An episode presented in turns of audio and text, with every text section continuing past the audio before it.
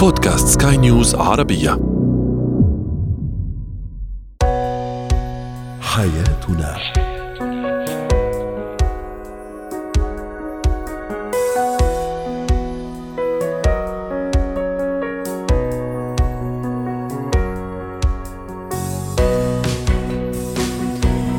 مستمعينا الكرام أهلا بكم. معنا إلى حياتنا فضاؤكم اليومي الذي يعنى بشؤون الأسرة وباقي الشؤون الحياتية الأخرى والذي يمكنكم الاستماع إليه عبر منصة سكاي نيوز عربيه dot com slash podcast وباقي منصات سكاي نيوز العربية الأخرى. شاركونا عبر رقم واتساب 00971 561 8 8 6 2 2 3 معي أنا آمال شابة؟ اليوم نتحدث عن طبيعة العلاقة بين أخت الزوج والزوجة وتأثيرها على العلاقة بين الشريكين وهل يقع الزوج ومتى يقع الزوج الزوج ضحية التنافس بين زوجته وأخته. أيضا نتحدث عن الغيرة بين الأطفال الأخوة. كيف نسيطر على هذه الغيرة؟ وأخيرا آه، التخييم وطلعات التخييم أو الكامبينج كيف آه، نعيشها بإيجابية وبوعي؟ وكيف نشحن طاقتنا بإيجابية من خلال هذه الطلعات والرحلات؟ هو وهي. لا شك أن الأخت لها مكانة خاصة جدا عند الأخ وعند الزوج أيضا. أحيانا العلاقة بين أخت الزوج والزوجة فيها بعض التنافسية فيها شيء من الغيرة نقول أحيانا وليس دائما. متى يقع الزوج ضحية لهذا التنافس بين زوجته وأخته؟ وكيف عليه أن يتعامل ويسيطر؟ على الموضوع. الحديث عن هذا الموضوع رحبوا معي بدكتورة حنان نجم استشارية العلاقات الأسرية والزوجية ضيفتنا العزيزة من الرياض. يسعد أوقاتك دكتورة حنان. أهلا وسهلا فيك. أكيد الأخت عزيزة جدا والزوجة كمان لها مكانتها واحترامها في البيت وفي قلب الرجل أيضا. لكن لكن أحيانا وللأسف في بعض العلاقات تشوبها شيء من الغيرة من التنافس الغير مفهوم في الحقيقة لأنه لكل واحدة منهم مكانتها. وإن أحيانا تتهم هذه الأخت أخت الزوج بأنها حماة ثانية وكأنه كمان الحماة هذه عندها مشكلة. لكن في الحقيقة لا. إذا نحن دخلنا بهذه الأفكار المسبقة أكيد النتيجة ستكون سلبية. دكتورة حنان كان هذا سؤالنا التفاعلي هل يقع الزوج ضحية التنافس بين زوجته وأخته؟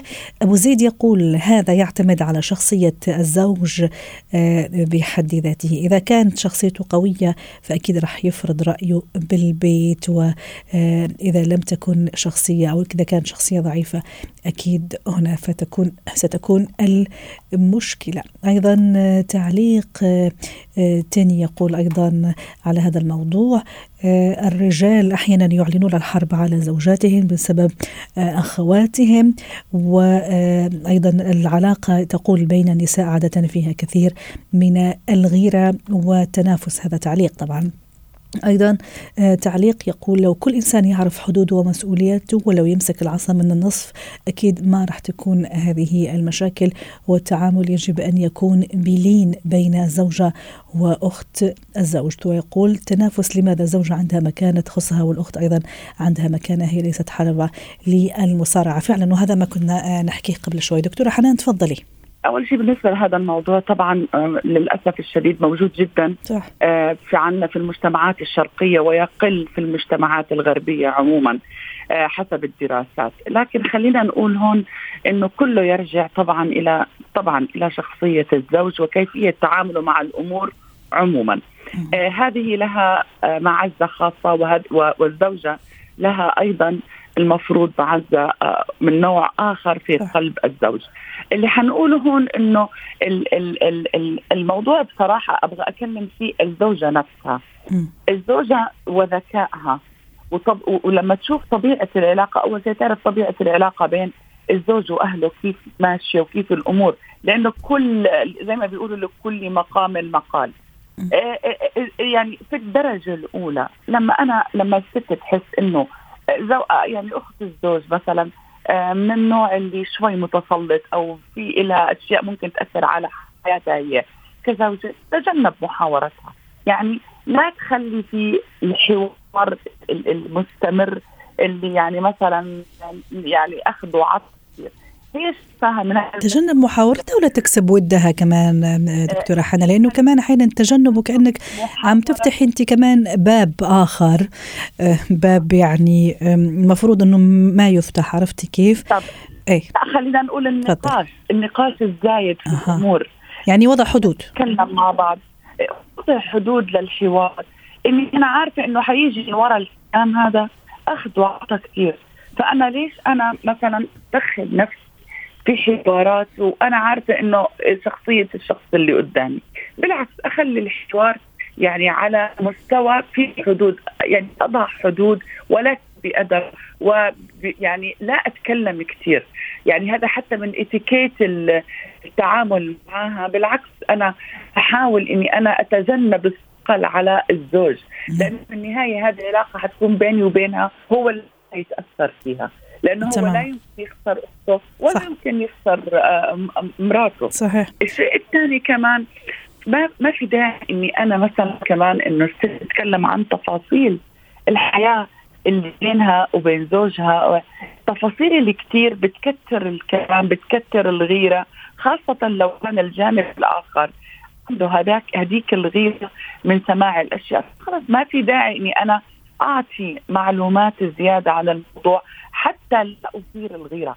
لأني أنا لما أدخل العائلة لما تدخل الزوجة على العائلة ما حتقعد كل بني آدم تربيه على حسب ما هي بدها لا.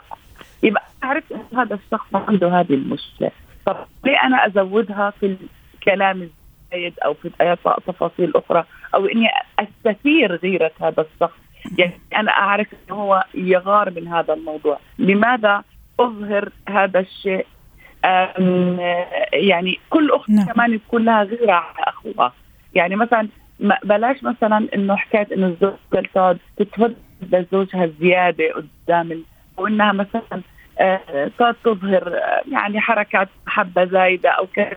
لأن بتضل كمان ممكن تكون من النوع عندها تعلق من نوع ما مع آه، أخوها. فاحيانا حركات زي هذه يعني نعم. تستثير الطرف الآخر تماما أحيانا ف... كمان دكتورة حنان معلش سامحيني أحيانا نكون أمام الموقف التالي كمان في بعض يعني الزوجات أقول البعض مش الكل كمان لما تيجي في في أفكار مسبقة مثل ما أشرنا في البداية آه، بتجي وبدها كمان تلغي هذا العلاقة علاقة الأخ بأخوه ممكن هي علاقة جدا وطيدة ممكن علاقة جدا قائمة على التفاهم على تشاركيه أكيد إيه رح تختلف شوي بس ممكن في البعض بدها تلغيها نهائيا فهذه كمان سبب من أسباب يعني احتدام المنافسة إذا صح التعبير واحتدام المعركة أيضا. طبعا هذا يعني تصرف آه، يكون غير لائق نهائيا من الزوجة للأسف الشديد تكون تدخل على العائلة وهي متحفزة. إنه دائما البيت يعني أهل الزوج تتعاملي معهم بالطريقة هذا لا تعطيهم وجه لا تعملي لا تسوي. هذا شيء غلط. وبدها يعني وكأنه الزوج كمان يكون لها 100% وكأنه هو لا عنده لا أخت ولا أب ولا أم فبدها تستفرد به وأكيد هذا الشيء جدا جدا خاطئ. وأكيد دكتورة حتى نختم في أقل من 10 ثواني 15 ثانية. أكيد الزوج عنده دور حازم في هذا في هذا الموضوع. آه، لا هم أصلا من بداية الزواج هي بت... يعني لازم يتفاهموا على هذه الأمور كلها. وهي كم هو كمان بالنسبة له طبعا بده يمسك العصاية من النص. وبده يطو يعني يكون حلى بالصبر في إنه كمان يحاول يفهمها إنه هذه الأمور إنه إنت علاقتي فيكي شيء وعلاقتي بأهل أو بأختي شيء ثاني. صحيح. إنك إنت آه، تعني لي الكثير أيضا وهي بدها تكون ذكية جدا طريقة التعامل واضح. مع عشان تكسب زوجها. شكرا لك دكتورة حنان نجم استشارية العلاقات الأسرية والزوجية ضيفتنا من الرياض ونعتذر عن رداءة الصوت من المصدر. زينة الحياة. اليوم نتحدث عن طرق لتقليل الغيرة بين الإخوة. الأطفال الصغار. رحبوا معي بنور وليد الخبيرة التربوية ضيفتنا العزيزة. يسعد أوقاتك أستاذة نور. أكيد ما في بيت ما يخلو من من غيرة بين الأطفال سواء كانت أعمارهم متقاربة جدا. أحيانا لا حتى إذا الأعمار متباعدة بالعكس هون تكون الغيرة أكثر وأكثر. اليوم نحاول نفهم الموضوع من زوايا سيكولوجية. لماذا في هذا الغيرة بين أطفالي؟ هل هي عادية؟ متى؟ لا أني أستشعر الخطأ وأقول لا ترى لا هذا الموضوع زاد عن حده والغيرة هذه صارت مرضية ممكن حتى يأذوا بعض. اول ما نشوفها بين الأطفال. هي بتكون رسالة للأهل إنه في إشي غلط. يا إما الأطفال فاهمين مش فاهمين بعض يعني مش فاهمين إخواتهم مش عم بيقدروا يفهموا كل واحد موقف الثاني عن بعض أو أو فينا نحكي ما في محبة وقناعة بين الأطفال أو بيكون في خلل بطريقة التربية وكلامنا مع أولادنا. هون لازم آه نشوف شو الموقف على إيش بيغاروا وشو رده فعل الأطفال. عشان هم من كلامهم حنستنتج وين الغلط فينا أو فيهم ونقدر نحل الموضوع. لكن أستاذة نور أحيانا كمان أحاول أكون مثلا عادلة أحاول إني أكون منصفة ما أفضل ابني على بنتي أو بنتي على ابني. لكن دائما بحس لا ممكن طفلي ممكن دائما يحاول ياخذ أشياء أغراض أخته أو أخته تاخذ أغراضها. ممكن في شوية اعتداءات ممكن حتى افتراء ممكن يجي يألف قصص. فكيف أتصرف أستاذة نور؟ خلينا أول ما نحس في غيرة نمسك الأطفال على جنب يعني ما نمسك الأخين مع بعض نمسك كل واحد لحال. ونسمع الطرفين لأنه طبيعي لما يشكوا ممكن يشكوا بطريقة إنه يجرحوا بين بعض. فنمسك الطفل إنه أنت ليش زعلان؟ ليش متخانق مع أخوك؟ خلينا نفهم. ممكن يكون اولا عن جد في عدم عدل إنه ممكن إحنا عم نعطي دلال للطفل دائما الأصغر هي فطرة الأم والأب بالعاده بيركزوا على الطفل الأصغر. أو ممكن يكون السبب إنه لما نسمع من الطرفين بيكون الكبير بيشعر إنه دائما عنده المهامات ودائما دائما بيعمل كثير أمور وبيشعر الثاني ما بيعمل ولا شيء فبحس إنه العطاء الحب للطفل الأصغر فبيجي بعض التهيؤات والأوهام وتكون عن جد نحن مش ذنبنا. بهالحالة لما نسمع أول شيء الطفل فهو هون بيصير عندنا طريقة الحل إنه الحل إنه كيف نحل مع الطفل. فساعتها إذا حسينا إنه الموضوع هو بتخيل انه إحنا بنحب أخوه الأصغر ساعتها بنضطر نعطيه آه، كلمة شكر حضن اهتمام سمعوا كلام حلو. ما نيجي مثلا نقول له أنت الكبير مرق لأخوك الصغير أو أنت تضحي التضحيات هي ما بينفع. لأنه بالأخير قد ما كان الابن الأكبر الكبير بس بضل طفل صح. محتاج حب محتاج اهتمام محتاج رعاية. مع الأسف في بعض البيوت بيعتبروا الكبير خلص اكتفى وهذا لا ليس اكتفى. هم لا يوصل لعمر ال20 بضلوا مراهقة وما صح. والعمر ال20 محتاجين حتى الراشدين والبالغين كلنا محتاجين لهذا المشاعر وكلنا محتاجين للحب بغض النظر عن أعمارنا وسننا. أستاذة نور أحيانا كمان نسمعها كثير من آباء وأمهات تقولوا أنت غيور أنت بتغار من أخوك أنت بتغار من أخوك صغيره وأنت بتغار من أخوك الكبير. شو أنا كمان عم اعمل في هذا الطفل؟ أكبر غلط إن نقعد نحكي الألقاب السلبية لأطفالنا. هذا اللقب ما بيصلح عن العكس بيسيد الموضوع أسوأ. وبيصير بعدين تتفاقم أو تتوسع إنه بين غيرته مع أخواته مع غيرته مع أصدقائه وغيرته في المجتمع. ليش إحنا بنوصل نلاقي بعض النماذج في المجتمع إنه هذا إنسان غيور لدرجة إنه ممكن يخرب علاقات فرحة؟ بسبب بطف بطفل بطفولته الأهل قالوا له أنت غيور. طب هو أوكي لو غيور. إذا ما حلينا المشكلة وغيرنا المفاهيم واعطيناه الحب الكافي فهي لا تصلح. فلهيك إنه ما ما كلمة غيور الطفل ما راح يحلها. أنت عم تعطيه اللقب ولبستيه أيوه. هو عايش فيه صح. تهمه راح تكون لصيقة به وخلص راح يضطر إنه فعلا يعني يتبناها يتبنى هذا هذا الوصف ويصير. خاصة الحين ممكن نقولها أمام أمام الناس ممكن أمام العائلة أصدقاء. والله محمد يغار مثلا من من من نبيل مثلا. دائما بيتخانقوا وأنا ما بعرف كيف راح أعمل. يعني هذا الكلام اللي يكون على مرأى ومسمع الناس أنا أتصور كثير خطير أستاذة نور صح مع الأسف بيفكروا إنه هاي الكلمة لما نقولها للطفل هو منه لحاله حيلاقي النتيجة. تماما. طبعا إحنا لازم نقعد معه ونفهم ليش هو عم بتصرف هيك وما لازم نقول له أنت غيور. لازم إحنا نصلح المشكلة المفاهيم الخاطئه اللي عنده أو ممكن يكون نحن زي ما حكيت إنه نحن مش بنعطيه الحب الكافي أو من غير من غير قصد عم نعطيه المهامات وعم نقول له أنت اعمل وسوي فعم بيشعر إنه هو في عنده نقص فبتلاقيه عم بيعمل مشاكل مع أخواته مش بهدف الغيرة. أستاذة نور متى متى ألجأ لمختص؟ متى أقول أنا ما راح أقدر أسيطر على الموضوع؟ خلص الامر خرج عن عن آه عن السيطرة ولازم ألجأ لمختص. هل في علامات تدل على أنه الأمر خطير؟ طبعا إذا الغيره بتوصل آه صار الأطفال يضربوا بعض يعني هاي خلص يعني هون لا بيضربوا بعض هذه عادي كلهم بيضربوا بعض. بيضربوا بعض ويجوا يفتروا على بعض. مفرح إنه بالأخير نخسر بعض وفي أولاد يكسروا يعني ممكن لا أنا أقصد ممكن عدوانية مثلا تصرف خطير عرفتي كيف؟ هلأ بيضربوا بعض أكيد هذا إحنا ما بنشجع ولا نقول إنه إيه ننبسط ونضحك. بس قصدي هذا هذا الروتين اليومي تبع الأولاد عرفتي كيف؟ بيسرق له لعبته ما أدري إيش؟ بيفتري عليه بروح يعني يألف قصة إيه. مشاجرات لا تنتهي هذا طبيعي. ولكن العدوانية زي ما حكيتي الضرب اللي بتصير طفل عم بضرب من قهره. ما هذه هي أيوه. يا أخوه قد ما حاولنا نلعبهم ويعمل مكائد مكائد خطيرة. بتبين لي إنه واو قديش لا قديش هذا في عنده شعور يعني مش مش مش لطيف. مزبوط فلهيك إحنا بدنا نحاول نشوف أخصائي يقدر يساعدنا إنه كيف نحل المشكلة وبيكون عارف من عمر بيلعب دور العمر الفئة العمرية الأم والأب دورهم وكيف ويقدر يغير مفاهيم هذا الطفل وكمان نعم. ممكن الأهل لقدام إذا ما شافوا أخصائي في كثير طرق كثير ممكن نساعدهم نساعد الأهل كأخصائيين هم حيقولوا لنا للأهل نعم. إنه أول شيء لازم نساعد الطفل إنه يعمل شيء تطوع أو خير نبلش أول شيء الطفل إذا عنده ألعاب أو لبس مش لإله نعم. ممكن لإله عفوا بده يتبرع فيها هاي السلوك شوي هو وإخواته لما يعملوها لبرا في نوع من الزرع الحب والعطاء. نعم. بنفس الوقت بس نعملها لبرا بتنعكس داخل البيت بصير يعطي لأخوه يعطي لأخته. جميل. فهون بصير بنشيل السلبيات. وأيضا القصص ضروري القصص الكرتون. هاي بتبني للطفل مفاهيم الحب الأخ لأخيه. نعمل إسقاطات. هاي. فهاي بدهم يزرعوا شكرا لك. اجتهاد جدا. نعم. شكرا لك يا سيدة نور وليدة سعدتينا ضيفتنا العزيزة وأتمنى لك أوقات سعيدة. مهارات اليوم نتحدث عن رحلات أو طلعات التخييم الكامبينج اللي أكيد عم تكثر في هذه الأيام خاصة في منطقتنا. الجو جميل الأجواء لطيفة الأجواء باردة البرودة الجميلة الغير مؤذية. كيف أعيش هالأجواء بإيجابية وبوعي؟ وفعلا أستفيد من هذا الطلع. رحبوا معي برزان الكيلاني مدربة مهارة حياة ضيفتنا العزيزة من عمان. يسعد أوقاتك أستاذة رزان. أكيد عندكم البرد أكيد. أنا متأكدة. لكن رغم هيك لما تيجي الأجواء الدافئة كمان في أشخاص بيطلعوا ويستفيدوا من الموضوع ويروحوا يعملوا رحلات تخييم رحلات بر هنا في في منطقة الخليج.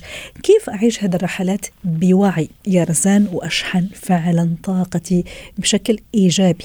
أيوه كلمة بوعي هي هي المفتاح. أيوه هي هي مفتاح جوابي فعليا.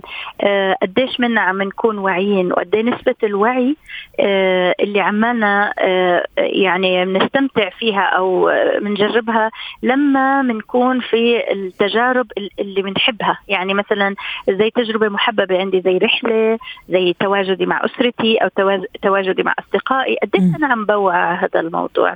فطبعا بما انه الجو عندكم حلو إحنا لسه عندنا برد وشتاء هون. يلا حياكي تعالي. خلص حياكي. الله.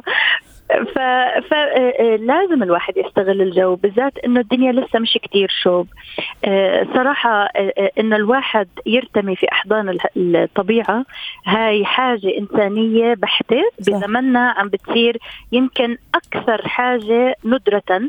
وأكثرها يعني آه، فائدة للبني آدمين نتيجة إنه العالم اللي إحنا آه، الإنسان بناه أو ال lifestyle أسلوب الحياة اللي الإنسان صنعه هو من صنعه طبعا هو مش طبيعي. فبالتالي عم بيؤدي لإنه نسب التوتر والقلق والهلع والاكتئاب عمالها بتزيد. فإذا دائما إنه الواحد لما يطلع على الطبيعة هاي الطريقة حتى هو يريح حاله ويرجع يرتمي في أحضان الطبيعة حتى بالإنجليزي بسموها ماذر نيتشر زي كأنه الطبيعة الأم. م. يعني الواحد زي كأنه بيرجع لفطرته لما بيرجع للطبيعة فلذلك هاي الرحلات جدا مهمة. رائع. وكمان أستاذ رزان أني أشحن أشحن أشحن نفسي إذا صح التعبير بهذا الإيجابية لأنه أو بإيجابية لأنه أكيد هذه الرحلات فيها علاقات اجتماعية فيها أشخاص أنا راح أتعرف عليهم أحيانا أشخاص جدد كمان أتعرف عليهم. كيف أكون؟ خلينا أقول يعني راح أستخدم مصطلح بس أكيد راح عنده مفهوم إيجابي كيف أقتنص أه؟ أو أكون قناص جيد للأشخاص الإيجابيين؟ حتى أدخلهم لدائرتي في هذا الرحلات مثلا. نعم آه برضه بدي أمسك كلمة نشحن لأنها مم. هي مربط الفرس هلأ نعم. ال multitasking أو تعدد المهمات اللي عم نقوم فيها إحنا يعني حتى يكون الواحد قاعد في بيته بيعمل مليون شغلة صح. بيشتغل مرات من البيت حتى يكون بالمكتب يكون بيشتغل كثير هاي الدراسات الحديثة أثبتت إنه الجزء الأمامي من الدماغ عم بيصيبه إجهاد مم. نتيجة عدم الراحة واللي بيزيد هذا الموضوع سوءا هو استخدام التكنولوجيا زي الهاتف زي الحواسيب إلى آخره. فإحنا طول الوقت مش واعيين على حالنا طول الوقت مجهدين. على فكرة معلش رزان أنت عم تحكي شيء كثير مهم. أنا شفتهم كثير والله في ال camping أو في التخييم الموبايل بإيده أو بإيدها أو التابلت بإيده أو بإيدها أو الأولاد كمان جايبينهم بس نعطي لهم تابلت حتى بيريحونا شوي. فشوفي كمان نعم. عدم الوعي اللي نحن فيه. صدقتي. 100% مش واعيين حالهم. حتى في بروفيسور آه، اسمه دكتور ديفيد ستراير من جامعة يوتا. بدرس هذا الموضوع كثير لأنه هو له علاقة في آه، برمجة الدماغ وأعصاب الدماغ وإلى آخره. فاكتشف عملوا دراسة آه، أخذوا مجموعتين على آه، آه، زي مكان داخل المدينة هو كله شجر يعني وبلشوا يراقبوا. المجموعة الأولى أخذوا منها كل أنواع التكنولوجيا الكاميرات الموبايلات التابلت إلى آخره. والمجموعة الثانية خلوهم معاهم. ومشوا نفس المسافة ونفس الوقت. لما راحوا صوروا أدمغتهم اكتشفوا المجموعة اللي تركت الإلكترونيات. دماغها صار ال theta waves اللي هي أمواج ثيتا اللي هي العلاقة بالتركيز العميق والراحة والاسترخاء. آه ارتفعت وصارت صار الدماغ مستريح.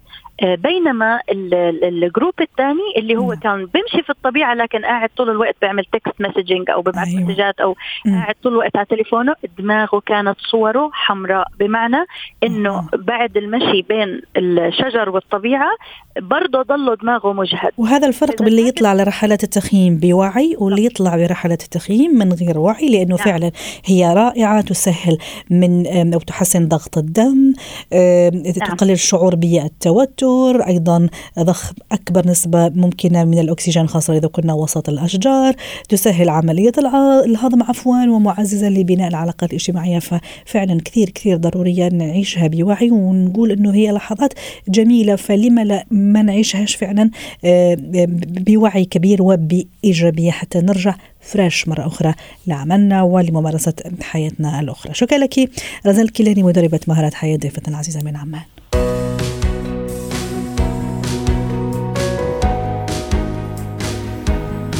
ختام حلقة اليوم من حياتنا. شكرا لكم وإلى اللقاء.